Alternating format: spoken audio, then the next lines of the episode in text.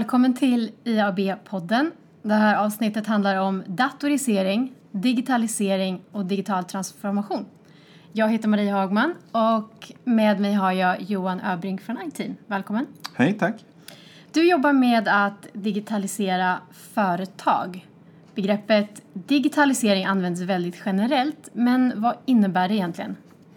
Uh, ja, om vi börjar med att reda ut begreppen lite grann då. Vad jag menar i alla fall när jag pratar om det här. Så brukar jag säga så här. Datorisering handlar om att eh, datorisera befintliga processer. Eh, du fortsätter göra allt som vanligt, men nu med datorn. Du skannar in dokumenten och gör dem till pdf-er. Eh, digitalisering handlar om att förändra processerna och förändra hela företaget för att passa in i en digital värld. Vilket sen leder vidare till digital transformation som är en förändring på marknaden, en förändring av eh, konsumenternas eh, förväntningar. Eh, typexempel på det är såhär, när människor började såhär, peta på sina GPSer därför att de förväntade sig att det skulle vara touchskärm. Vår, vår grundförväntan har förändrats. Ehm, det påverkar, den här processen går ganska långsamt. Eh, och, och det händer egentligen ingenting synligt på marknaden förutom att människor beter sig som idioter vid GPSen. Men, men så fort någon levererar någonting som uppfyller den här nya förväntan då ser man ett blixtsnabbt skifte på marknaden också. Det går inte alls långsamt, det går väldigt fort. Och det såg vi till exempel när Uber klev in i ett antal länder och direkt förändrade hela taxibranschen. Därför att ingen sa vilken fantastisk uppfinning. Alla sa, men var självklart varför har ingen gjort det här förut? Vi var liksom redan där. Mm, mm. Men mer effektiva arbetsprocesser, mindre administration är några aspekter.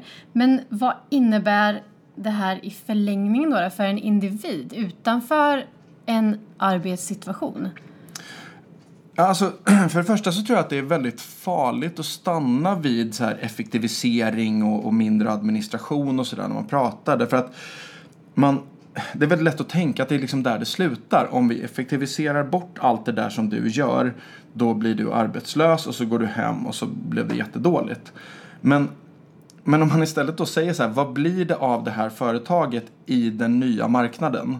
Mm. Ja, då måste du börja titta på så här, vad, vad, har, vad, vad, vad, kan vårt humankapital? Vad är det vi har för tillgångar? Eh, om det är ett, ett taxibolag som verkar i Stockholm, vad ska du göra med din växel när alla börjar boka digitalt? Ja, antingen så säger du så här, nu kan vi spara pengar genom att vi säger upp dem. Eller så säger du så här, vi har något som Uber inte har. Vi har lokal marknadskännedom. Eh, och vi har en massa människor som är vana att prata med folk. Så att vi kan nu bli ett eh, transport och conciergebolag. Mm. Det är liksom det, det som händer bolagsmässigt. Och det är också det som, som måste hända som individ. Att du börjar se, inte på så här, vad, vad gör jag, vad står det på mitt visitkort, utan vad kan jag och vad blir mitt erbjudande imorgon när, när hela världen förändras? Så, vi har, så det är ett exempel på hur eh, ett företag har digitaliserat sig eller transformerat sig och gett oss en app och sen har vårt beteende tvingat eller fått det företaget att ändra inriktning? Ja, alltså vi, vissa är ju så pass reaktiva men om man tar ett, ett, ett, bättre exempel på ett företag som faktiskt har digitaliserat så kan du kolla på Netflix. Mm. Deras, deras business var att de skickade DVD-skivor till folk. Okay. Eh, du prenumererade på det. Mm. Och sen så sa de så här, nej men streaming är det nya så då satte de DVD-businessen som var deras stora business mm. i ett mm. eget bolag. Och så blev Netflix ett streamingbolag. Det är de inte längre. De är ett contentbolag idag. Mm. Därför att de använder den datan de får om dina konsumtionsmönster mm. för att ta fram nya koncept. Vi vet att människor gillar eh, viktoriansk tid och futurism. Så nu skapar vi en serie kring det. Det är deras nya business. Så vad händer med företag som inte är så reaktiva då? Uh, alltså företag som inte förändrar sig alls kommer att gå i konkurs, det är ganska enkelt. Eh, de som förändrar sig för sent kommer bli underleverantörer. eh, de kommer förlora sitt varumärke därför att de som äger varumärket är de som har kundkontakten och de som har kundkontakten är de som finns i de digitala kanalerna. Så att om du tror att ditt företag är analogt så kommer du bli en underleverantör. I bästa fall.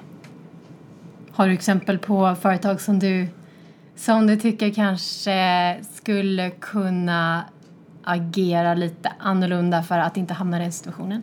Eh, jag skulle säga att bankerna är ju vår tids Nokia. Eh, på de tjänar shitloads med pengar och därför tror de att allting går jättebra. Precis som Nokia trodde ända tills hela typ botten gick ur deras marknad totalt. Därför att alla ville ha andra telefoner. Eh, samma sak håller på att hända med bankerna nu. Eh, de måste förändra väldigt mycket hur de jobbar om de ska, om de ska vara relevanta om 20 år.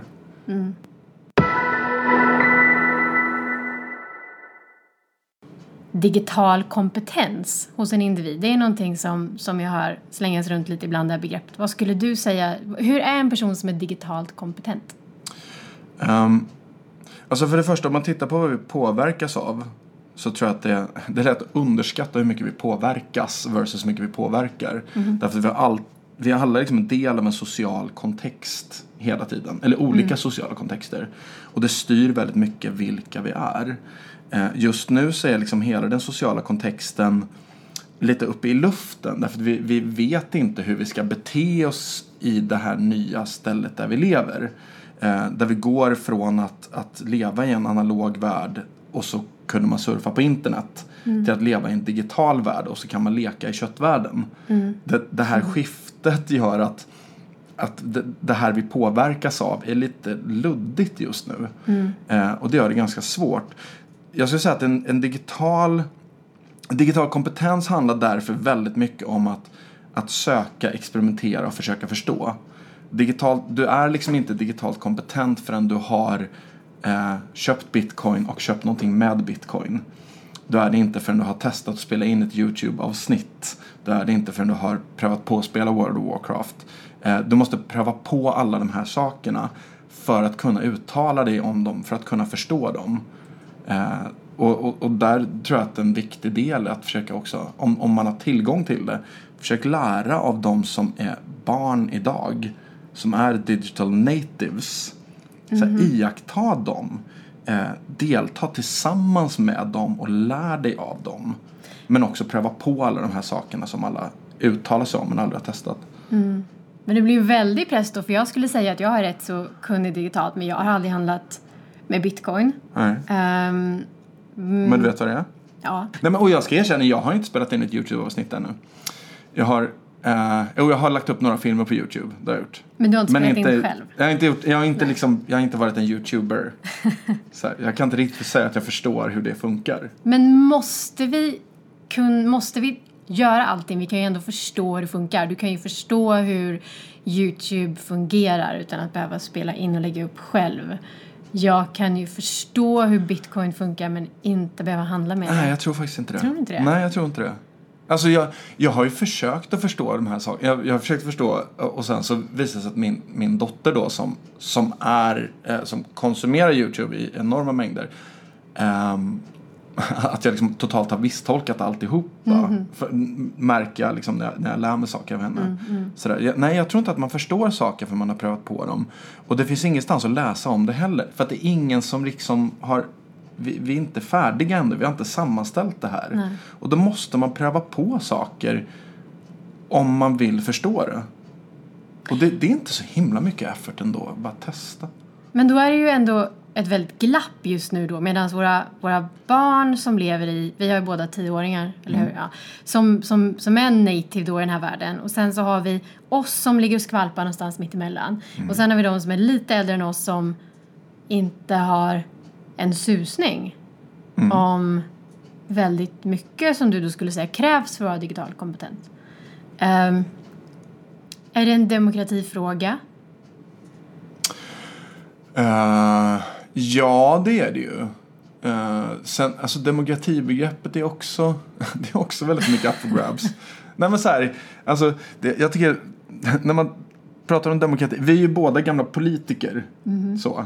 Eh, jag tycker det är jättefascinerande när man tittar på, på våra gamla kollegor eh, som, som alla sitter och säger att här, ja, men det, det finns ingen återväxt, det finns inget politiskt intresse någonstans. Varenda person med ett Facebook-konto har en åsikt idag. Alla uttrycker åsikter hela tiden. Vi har aldrig någonsin varit så politiska som vi är nu. Stämmer. Ingen är intresserad av partierna och därför säger partierna det finns inget intresse. Så, det gör det visst men ni är inte relevanta. Nej. Och, och dessutom så här, makten förflyttas. Vad är så här, nationsbegreppet för våra barn? Vad är det att vara svensk? När, när man liksom har en hel, där, där världen är global som default. Eh, vad betyder det ens? Alltså det, alla de här sakerna är de, är väldigt volatila just nu och vill man förstå så måste man ge sig in i det och testa. Jag säger inte att man här, inte har någon framtid om man inte handlar i bitcoin. Det är inte poängen. Poängen är att om man vill förstå digitalisering så måste man försänka sig i den och känna av vad som händer. Och innan man har gjort det så kanske man ska låta bli att spekulera i vart det är på väg. För att man förstår inte någonting som man inte har prövat själv. Nu känner jag mig lätt stressad över att jag har så himla mycket som jag måste experimentera och sätta mig in i. Det skulle vara betydligt bättre om du kände dig exalterad. Okej, jag känner Tänk vad mig, mycket du kommer att testa. känner mig, känner mig exalterad. då. Jag får, jag får byta till det. Ja, men, det, men alltså det är... Det är just det som är grejen också. Det är väldigt, väldigt lätt att hamna i den här Åh shit vad jag är stressad, det ligger så långt efter, vad ska jag göra nu? Åh. Istället för att bara säga så här, men gud vad mycket kul grejer som jag skulle kunna testa nu. Därför att det är inte det är liksom inte, vi är inte på Columbus tid där du måste få spons av, av liksom, vad är det, portugisiska drottningen var det va? Tror det. Ehm, så här för att kunna ge det av till USA. Du kan bara göra det själv nu. Det behövs ingen som, som stöttar dig i det. Det är bara att testa.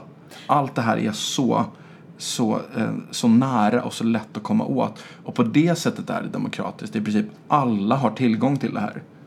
Mm, det stämmer. Det blir ju lite mer, det är ju globalt i alla aspekter, allting det vi gör. Ingenting är ju, om det är inte ens att vi bor i Kina kanske, att det är stängt, det är öppet. Ja, nej men Kina ligger ju mycket längre fram när det gäller digitala betalningar. Kenya ligger lik- mycket längre fram när det gäller digitala betalningar. De har ju ett annat system där, där är det liksom telefonerna som, är, som har ersatt bankerna. Du har en portmonnä i telefonen. Kul. Eh, och så är det stora delar av Afrika överhuvudtaget så, så det finns inget förtroende för regeringar och sånt där. Allting blir, eh, blir distribuerat till enheterna. I Kina är det tvärtom. Där har du liksom supercentralt styrt men, men också en enorm tjänsteutveckling. Och sen så ligger liksom den nya tredje världen då, alltså USA och Europa, som ligger och halkar efter.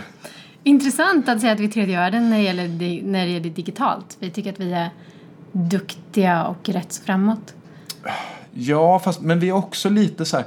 Eh, när internet kom så, så hamnade Frankrike efter. Därför att Frankrike hade legat före innan. För de hade Minitel som var den här telefonbaserade tjänsten. Så. Just och så kom internet och de bara, nej men vi har Minitel. Och så kom de jättelångt efter.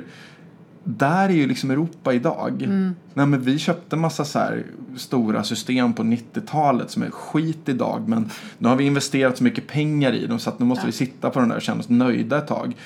Medan Afrika har en enorm möjlighet att bara rusa iväg för att de sitter inte på en massa gammal legacy. Okej. Så vad behöver Europa göra nästa om, om vi vill hinna i fatt och bli, bli ledande eller åtminstone komma i fatt? Vad behöver vi, vad behöver vi göra? Hur behöver vi tänka? Skriv av alla investeringar som är gjorda hittills.